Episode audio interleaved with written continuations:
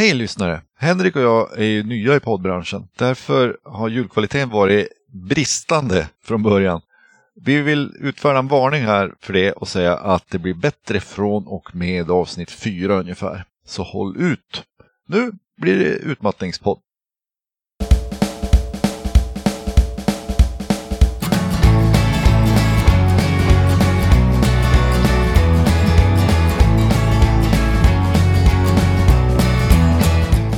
Välkomna till Utmattningspodden. Med Andreas och Henrik.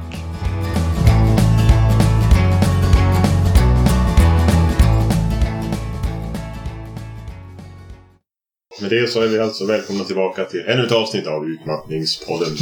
Välkommen Arne. Tack Henrik. Ja, då ska vi börja med en lyssnarfråga som har kommit in. Vilka diagnoser har Arne egentligen? lyder den frågan.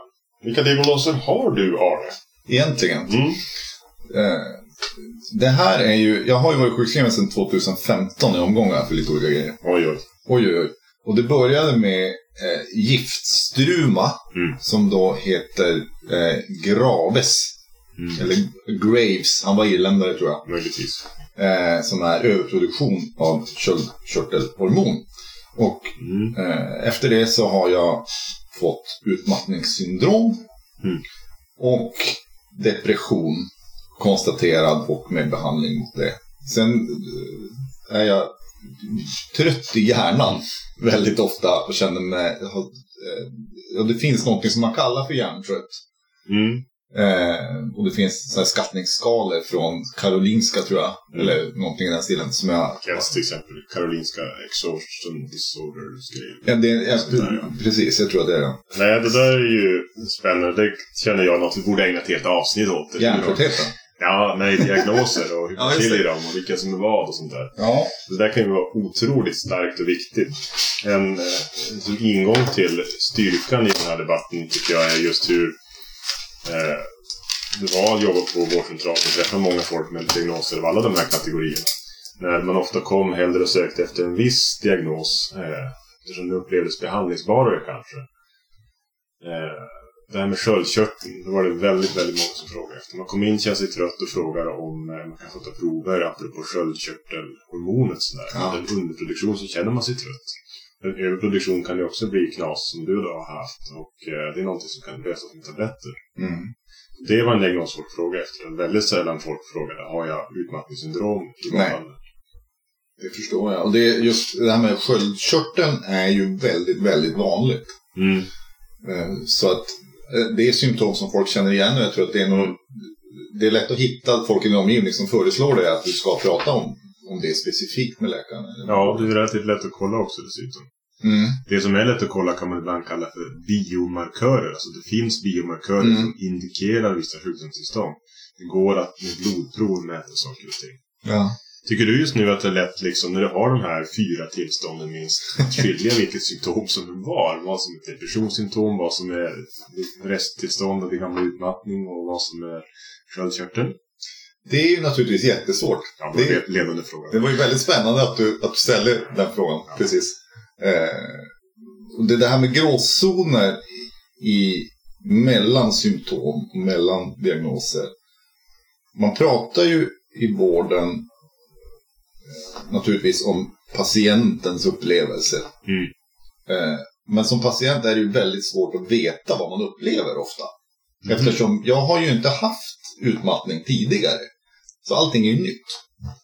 Så att det är svårt att veta vad man upplever så är det så att du har stark upplevelse men du har inte ord på vad den är och den beror på. Så att säga. Precis. Just Och där kan jag säga också att det, det har ju varit väldigt... Det, varit, det blir mycket lättare att prata om sin sjukdom Mm. när man får en diagnos eftersom du får Mm. ett namn på Mm. det. Så kan du säga till människor du träffar. Varför är du så trött, Andreas? Jo, det är därför att. Ja.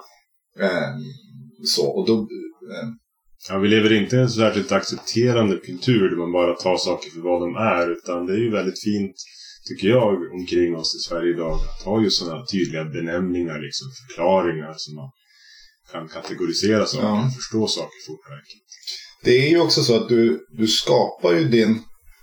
Eh, det här, nu kommer en så här gammal, eh, jag läste ju lingvistik bara någon gång på 90-talet. Jag minns det som igår. Jag minns det som igår. Eh, men det, här, det finns något som heter Sapir-Whorf-hypotesen. Känner du till det här? Nej, faktiskt inte. Nej, nu blir det språknördigt Ska här. vi spara det här till quizet? Ja, men kör på. Vad? Eh, det kommer jag knappt ihåg själv. Men det, skapar man verkligheten utifrån hur man benämner den? Eller, eller är det tvärtom? Just det. Ja, för den här poddens räkning så känner jag att det är ganska viktigt att belysa hur mycket som definieras utifrån de diagnoser vi har och hur de behandlas. För trots allt så är man ju delvis i händerna för systemet när man är sjukskriven. När man behöver hjälp av någon sort från vård och försäkringskassa och vad det månde vara.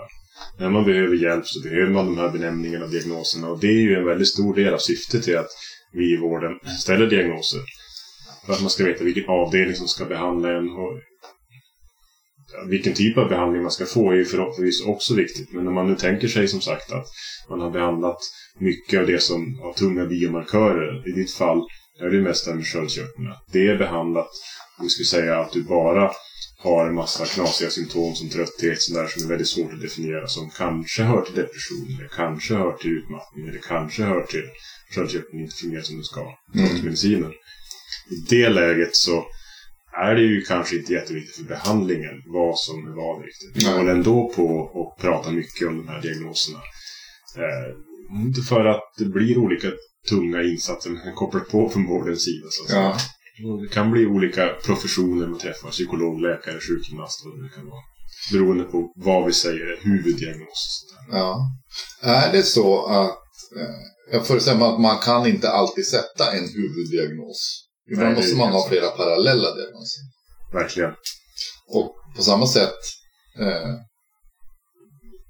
om du har tre parallella diagnoser så kan de innehålla närmast identiska symptom.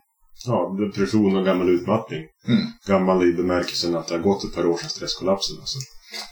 Det blir så här residual eller kvarstående symptom från utmattning. Mm. Oavsett som vi pratade om tidigare. Och det är väldigt, väldigt svårt att skilja från mycket av det depressiva. Men är det här, eh, är det någon skillnad i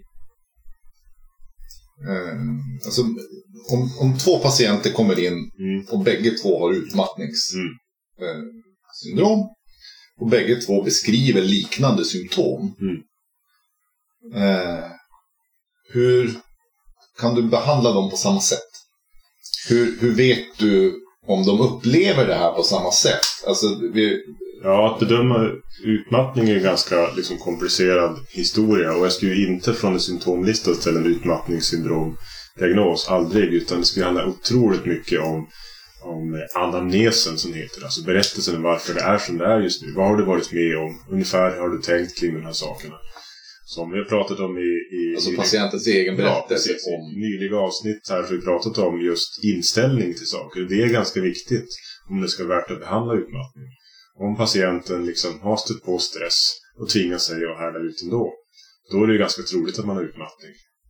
Men om man lever en otroligt lugn tillvaro som liksom pensionär rent av och inte har gjort så mycket. Plötsligt har fått den här ökade tröttheten från en blixtfrån klar himmel. Om inte gått över några knasiga varningssignaler som du när du fick synbortfall och ändå härdade ut. Mm.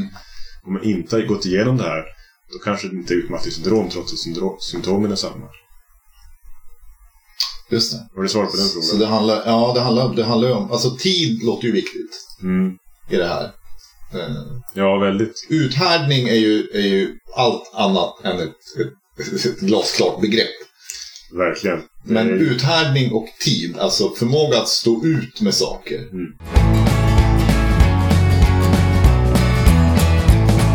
Sen är det luriga att vad patienten vill ha behandling för också. Det är ju i någon mån så att vissa diagnoser är lite mer begärliga eller fina än andra om man säger så.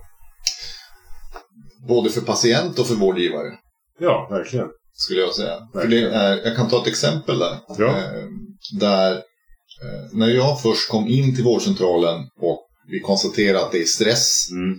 Jag, hade, jag fick träffa en jättebra läkare Mm. som, eh, som såg vad problemet var. Eh, men som hade, som jag nu i efterhand, flera år senare, tolkar det. Så jag, eh, eh, exakt vad han sa spelar, är, är mindre viktigt. Men Mm. som jag minns det så, eh, ville han verkligen hjälpa mig med den här stressproblematiken. Men han var ju tvungen att förklara för sjukintygets räkning. Mm. Eh, vad kan vi göra åt det här? Och även, Just även Ja, ska hur, och hur, plan, ja. Ja, precis. Och, och även för min behandling naturligtvis i första hand. Vad, hur går vi vidare? Vad kan vi göra? Mm. Och, så när jag då beskrev vad jag upplevde och vilka symptom jag hade så var det väldigt tydligt att han vaknade till när det dök upp saker som gick att mäta. Som vadå? som att jag hade muskelryckning Ah, de kan man se och de kan man kanske medicinera. till exempel. Så att det, var, det var väldigt tydligt att han, åh, här har vi någonting. Det här kan vi haka upp det på liksom. Mm. Och det betyder ju att den typen av diagnos blir ju mer begärlig därför att den är mer lätthanterlig. Verkligen. Eller hur? Från vår sida. Jag jobbade i försäkringsmedicin en del. Försäkringskassan ville att vi på vårdcentralen skulle utreda deras patienter när, de var när Försäkringskassan tyckte det var oklart hur sjuka patienterna var, hur, hur, hur stora problemen faktiskt var då. Tungt jobb på vissa sätt. Intressant i det här sammanhanget för att det var väldigt, väldigt, väldigt många utmattningspatienter som vi fick träffa. Och de har ju väldigt osynliga symptom, väldigt få sådana här muskelryckningar och sånt där. Om det fanns om det någonsin dök upp en reumatiker till exempel så hade de mycket mer liksom högburet huvud för där finns en stark patientförening i den subjektiva Ja. uppfattning. Och där finns det specialistkliniker bara för reumatiker. Ja. Men har de utmattningssyndrom och lite fibromyalgi som har dykt upp och så där är liksom fibromyalgi har ju sina smärtpunkter där man kan tycka och känna om man har just det. Men det är ganska Om du definierar fibromyalgi, det är ett sånt där svårt ord. Eh, Det betyder smärta i vävnad. Mm. Till skillnad från smärta i leder eller på andra ställen. Mm. Det gör ont i typ muskelvävnad. I, i mjukdelar på kroppen. Just. Om jag förstått rätt. Mm. Brasklapp. Eh, om man dyker upp med sådana här mjukare diagnoser, då fick man svara på sån här eh, försäkringsmedicinsk bedömning. Men, men förmodligen inte om man var reumatiker. Det är så mycket tydligare, det finns biomarkörer liksom. Mm. Reumatism, att eh, autoimmun reaktion mot kropps, eh, kroppens leder och sånt där. Det Men går är det- på röntgen. Är det en, ja. Det är ju, det är ju en stor del, men det är, det är en stor del av det. Ja. Och då samlar du ju mer fakta och erfarenhet också, tänker jag. Så att Nej, eftersom det- är lättare att, mäta de här grejerna Mm. så kommer du ju snabbare att bygga upp en, en, en kunskapsbas.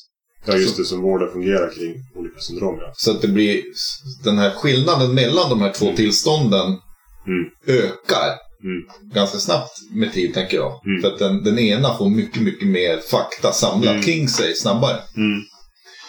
Ja, Det det är här, risk där att man liksom tappar den ena då helt. ja, det här blir ju en ganska smärtsam dragkamp ofta mellan liksom patienter som, som bara vill ha hjälp och som du, du sa här jättegärna vill ha en benämning så man kan prata om det, så man har någonting att komma med till olika myndigheter som man ska få stöd av, till vården som man ska få stöd av. Eh, och när det faktiskt så att säga inte finns någonting jättekonkret att ta på. För i vården är man ganska benägen att säga eftersom vi inte vet vad det är så gör vi inte så mycket så att säga. Utan det blir liksom vila och vård. Nej, vila och vänta. Ja. vila och vänta som en slarvig benämning på att vi gör inte så mycket. Eftersom vi inte vet vad vi ska göra. Ja. Alltid. För det är ju evidensbaserat på något vis. Alltså Mm. det är evidensbaserat, evidensbaserat i synsättet just det bara. Eh, ja, vi vet inte vad det är, alltså gör vi inte så mycket. Nej, och det är väl rimligt. Ja, och där vill man ju dock inte hamna som patient. Besvären har man ju lika fullt. Det kan vara enorma besvär, särskilt om man har en diagnosgröten som du har. Mm. I den här podden kommer vi fokusera på just utmattningssyndrom och ibland kommer kanske dina besvär, du är här som exempelpersonen i vår podd. Eh, ibland kanske inte är utmattning som är främst, utan depressionen och sånt där. Ja, men att det är även för mig som, råkar, som har de här Mm. sakerna, vill jag säga igen, så är det ju svårt Mm. att veta vad som hör vart. Ja, verkligen. Så Då- därför kommer det ju inte att vara helt tydligt alltid när vi ger exempel, ens för mig, Nej. var, vad är exakt, vilken diagnos är det vi pratar om. Men det betyder ju inte att den inte är relevant i Verkligen. flera exempel eller i flera olika sammanhang. Men behandlingen för allt det här, Mm. när man behandlas för något av de här, eller alla de här, går ju ofta också in i varandra. Ibland är det inte så jätteviktigt vilken diagnos man fokuserar på. Så länge man har i storleksordningen den mängd stöd de behöver, så man inte liksom måste ha fler diagnoser för att kunna få högre grad av sjukskrivning eller vad det kan vara. När man, när man är på det trygga med det så kan man ju fortsätta behandla menar jag.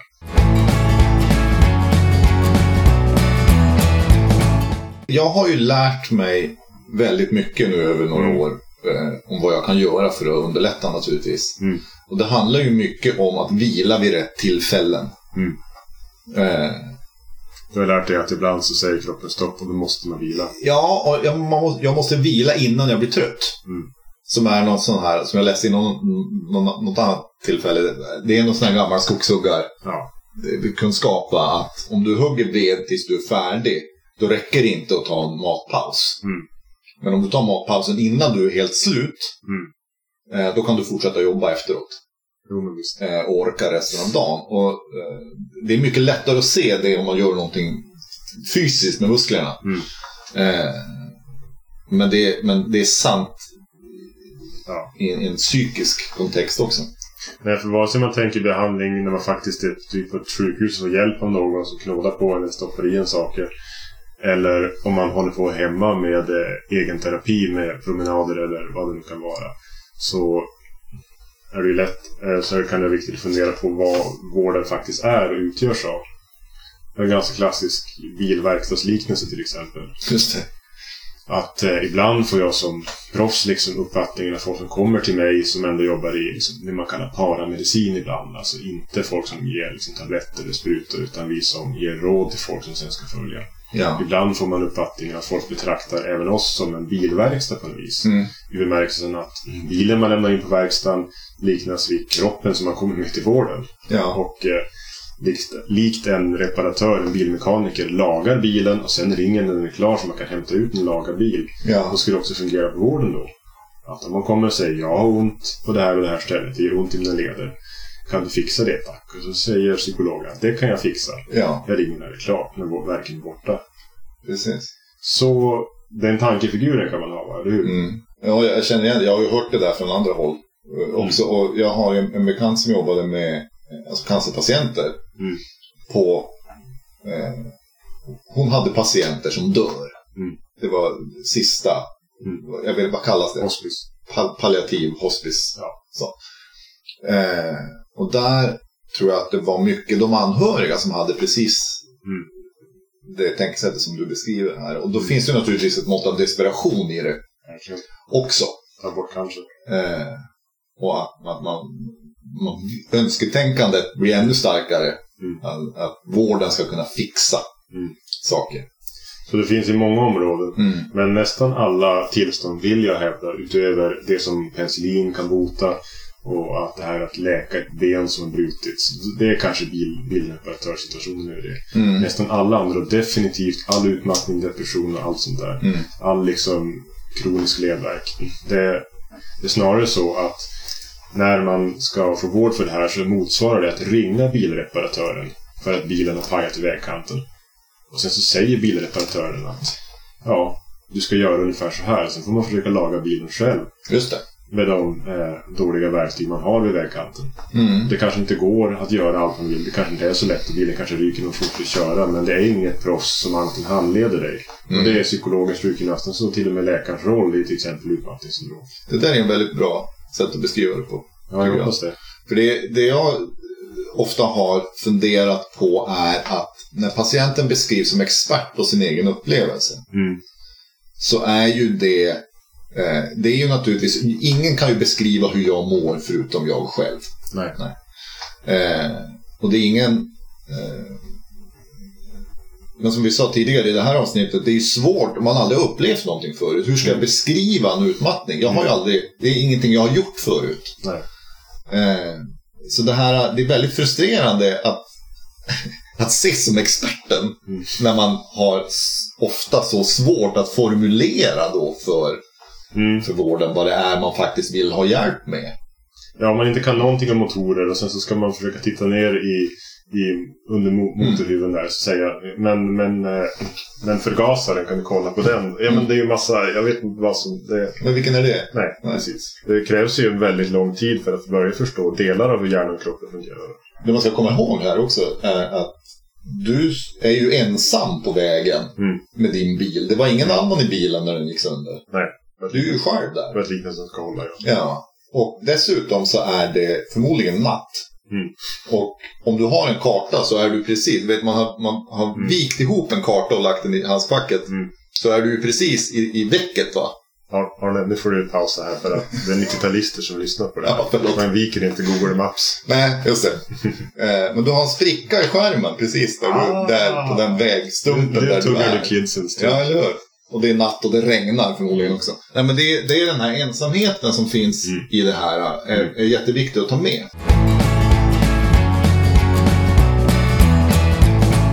För det är ju sant att, att bilen är paj. Det är ju sant att du har alla de här symptomen, även om man inte har ett språk för det där. Det blir lite luddigt eh, vad som så att säga är sant och i försäkringsmedicinska sammanhang kanske det är viktigt.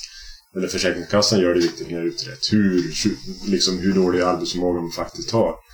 Andra gånger så är det viktiga med det här att försöka hitta en väg framåt.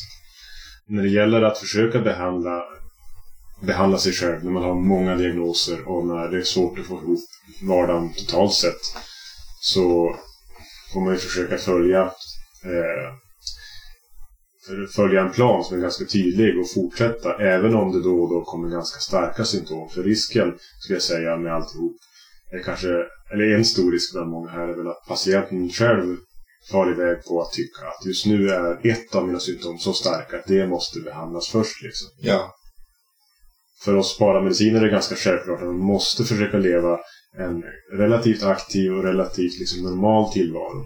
Tänk liksom, hur ska en 12-åring ha ett bra påsklov liksom? Man ska gå upp på morgonen, man ska sova som man ska, man ska äta tre mål mat om dagen, man ska inte sitta vid en skärm 16 timmar om dagen, man ska gå ut en del, man ska träffa sina kompisar. Ja. Föräldrarna måste styra upp det här. Så får man tänka sig att man ska må bra även som vuxen när man har en massa symptom. Mm. Men om någonting spökar, liksom knät är fruktansvärt ont, så kan det ju vara så att man liksom ringer vården för tiden två veckor och tills dess pausar allting annat. Eller ja. Två veckor är optimistiskt tror jag. det är ett knä, ja. Eh, Det blir väldigt långa ledtider. Verkligen. Oavsett vad det gäller, föreställer jag mig. Och det är också en, en, sak som gör det mycket, mycket svårare. För man sitter, oavsett vad du Mm. är sjuk i, Mm. eh, och även om vårdens behandling inte är vila och vänta, Mm. så är det fortfarande det man som patient gör. För du Mm. måste sitta, du måste ju fortfarande gå hem och vänta de här veckorna. Verkligen. Eh, och eh, och eh, har man så tur att man har familj som man kan prata med de här grejerna om så blir det mycket lättare. Men många är ju ensamma hemma också. Mm. Och då kanske du sitter där med din ångest eller med, Ja, med ditt onda det är ju knä. inte en bra tillvaro för ett påsklov det. Eh, nej, Sitta med ångest hela lovet. eh, och det, tyvärr är det väl det många Nej. måste göra. Och om man försämras är det ju ännu lättare att försöka fundera vad är det i... För att en riktigt stark diagnos som är riktigt tydlig har biomarkörer att bli som ett alibi till slut. tycker jag är en bra benämning för mig, som jag använder ofta just att vissa diagnoser är alibin att må så dåligt som man faktiskt gör. Ja. Men, ja. Nej, det här kan man prata länge om eftersom det är stort och väldigt starkt liksom. Det, det definierar ofta människors liv när man har något av de här problemen. I slutändan så, som, som jag var inne på, så är ju det väldigt viktigt att försöka leva ett bra liv och att inte liksom ryckas med för mycket av, av oro när man får enstaka nya symptom. För till exempel vad gäller utmattning som ändå fokuserar hårdast så dyker det ofta upp nya tillkortakommanden. Ja. Eller hur? Ja. Det där kommer vi att ta upp igen, kan jag Kan du säga. nämna en sak som har dykt upp? Liksom? Kan du nämna en besvikelse som har kommit de här senaste tre åren? Men det är ju, det är ju den här känslan av att nu känner jag mig lite piggare. Mm. Vilket betyder att jag orkar diska och laga mat på samma Mm. dag. Ja. Även om det sker med sex timmars mellanrum. Mm. Eh, och då känner ju jag att relativt den situationen jag befinner mig i så är jag ju nästan frisk. Ja. Så. Mm. Eh, men sen ringer en kompis. Mm. Och så pratar jag i telefon i en halvtimme också. Mm. Och då är det stopp. Och då, då, då tar det tvärstopp och så får jag jätteont i huvudet ofta Mm. och, och blir trött och jag orkar inte prata eller lyssna på någon annan som pratar och det ljudkänsligheten sätter in. Men det är just den där, det börjar ju med en känsla av att nu är jag på väg upp. Ja, det måste vara stark besvikelse. Och då kommer den här bakslaget Mm. och kännas mycket, mycket hårdare. Och framförallt de gångerna det här har hänt samma dag då. Mm. Det finns ju många andra exempel. Där har du ju exempel på tydliga ramar som du måste följa för ett av dina tillstånd. Mm. Det här att följa liksom ramar för ett bra postlov är ju eh, depressionsbehandling ett av på något vis. Men det måste du också göra. Du- tar också medicin för eh, depression Mm. och lite andra sådana saker. Och i slutändan så är det ju bara att liksom knoga på. Mm. Och försöka eh, leva dagarna rimligt bra liksom. Och göra det man kan och se saker för vad de är. Och hoppas på att vården inte snöar in för mycket på biomarkörerna, muskelriktningarna som just idag. Nej, precis. Eh, även om jag, jag, jag, ja, jag kan förstå att vården hugger på de där. Jag förstår ju att man vill ha mätbara saker. Ja, man vill ju hjälpa till liksom. Och att, precis. Och det där tycker jag, det ska vi upprepa många gånger i den här poddserien. Mm. Alla som jag träffar i vården vill ju hjälpa till utifrån sina förutsättningar. Mm. Sen att det inte funkar alltid. Nej. Och vissa av dem kunde ha gjort det på andra sätt, skulle jag som patient kunna tycka. Va? Mm. Men jag, jag, jag misstror inte den goda viljan.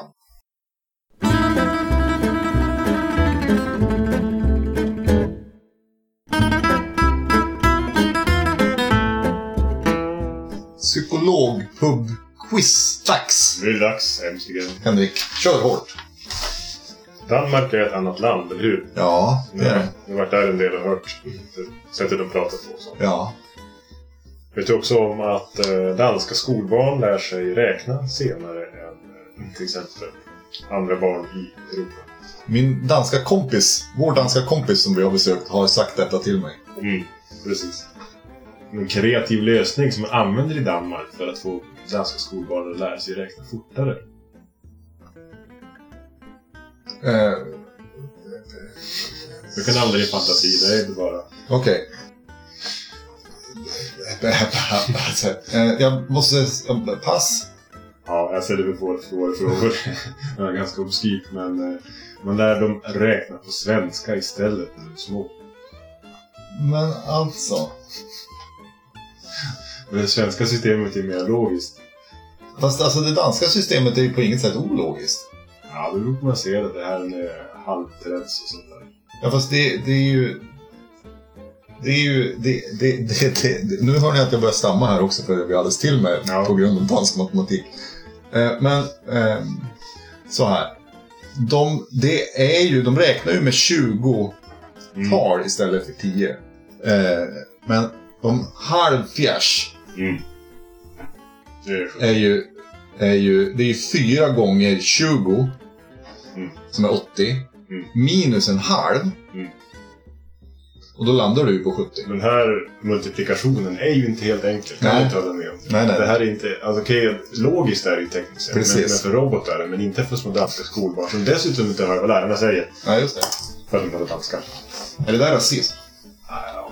Språkism möjligtvis. Jag kan hänvisa till både den här studien som jag läste där i, eller en artikel tekniskt sett, som hänvisar till en studie. Ja. Men också till en annan studie på hemsidan då, utmattningspodden.se. Där eh, det finns en studie som visar att danska skolbarn lär sig prata senare på grund av förmodligen att eh, danskarna har så sluddriga konsonanter. Ja, alltså de har ju som vi sa, det är ju mycket vokalbaserat. Ja, vokaler och halvvokaler. Och då blir det Ja. svårt att höra vart gränsen mellan orden går. Ja, Antas vara den här förklaringen. Lite mer lingvistik än psykologi, men den går ju som in i varandra. ja, precis. Har du någon fråga? Jag vill gärna ställa en fråga. Ja, det tycker jag du ska. Det här var nog den Inget, längsta... Ingenting om sjöars efternamn nu, hoppas Nej, nej. Absolut inte. Eh, här är det, här är det eh, ren Wikipedia-kunskap, skulle jag säga. Mm. Sanningen och ljuset. Den renaste formen av kunskap, skulle jag kunna säga. Definiera Polynesien. Övärld i Stilla havet. Som ligger på en viss kontinentalplatta. Eh, så här är den definitionen som jag har tagit fram. Mm. En etnografisk region i Oceanien eh, mellan Hawaii, Nya Zeeland och Påskön. Just Det är väldigt stort. Mm. Eh, och att det verkar huvudsakligen handla om att befolkningen talar polynesiska språk. Mm. Det, finns ju ingen, det finns ju ingen nationell Nej, samhörighet. Nej. Men då har vi en följdfråga på det. Mm. Vilken är den största staden i Polynesien? Ja... Om Hawaii ingick så lär det ju vara Honolulu. Nej, det är Auckland Nya Zeeland. Ja. Och de har ändå eh, omkring en och en halv miljon invånare ungefär. Mm. Så det, det är globalt sett ganska små Ja. eh, Städer. Det här var en, eh, en ovanlig quizversion, tycker jag. Vi Mm. får hitta något mer obskyrt till nästa gång. Ja, men alla slutar lyssna ändå. Så Ja, det är bra. Precis. Vi kan ha det som, eh, som avslutning på den här podden. Säga att om du har orkat lyssna dig igenom hela det här quizet. Då är det inte utmattat på definition. Nej, precis. Dels det, men vi borde ha, vi borde ha något ord. Alltså att någon, kan du, kan du mejla oss? Ja, just det. Så att om de har lyssnat hela vägen hit så Precis. får de en fin gratiskod som de kan få. Som du, om du mejlar, jag vill säga ukulele. Ja. Eftersom det känns polynesiskt. Ja, Nej, det är mycket hawaiianer som spelar ukulele, jag vet inte varför. Om du mejlar in ordet ukulele till utmattningspodden.se kontaktuppgifterna som vi har där till oss. Då får du ett kex. Ja, ett virtuellt kex. En Och en, en virtuell klapp på axeln. Tack för, tack för att ni lyssnar. Hej då. På utmattningspodden.se hittar ni länkar till allt vi pratat om. Och där finns också kontaktuppgifter och hör jättegärna av er. Och lyssnarfrågor kommer att behandlas i särskilt insatta specialavsnitt. Och musiken som vi har använt i det här programmet är Holiday in Toontown av Texas Gypsies och Coffee av Josh Woodward. Och länk till dem finns också på utmattningspodden.se.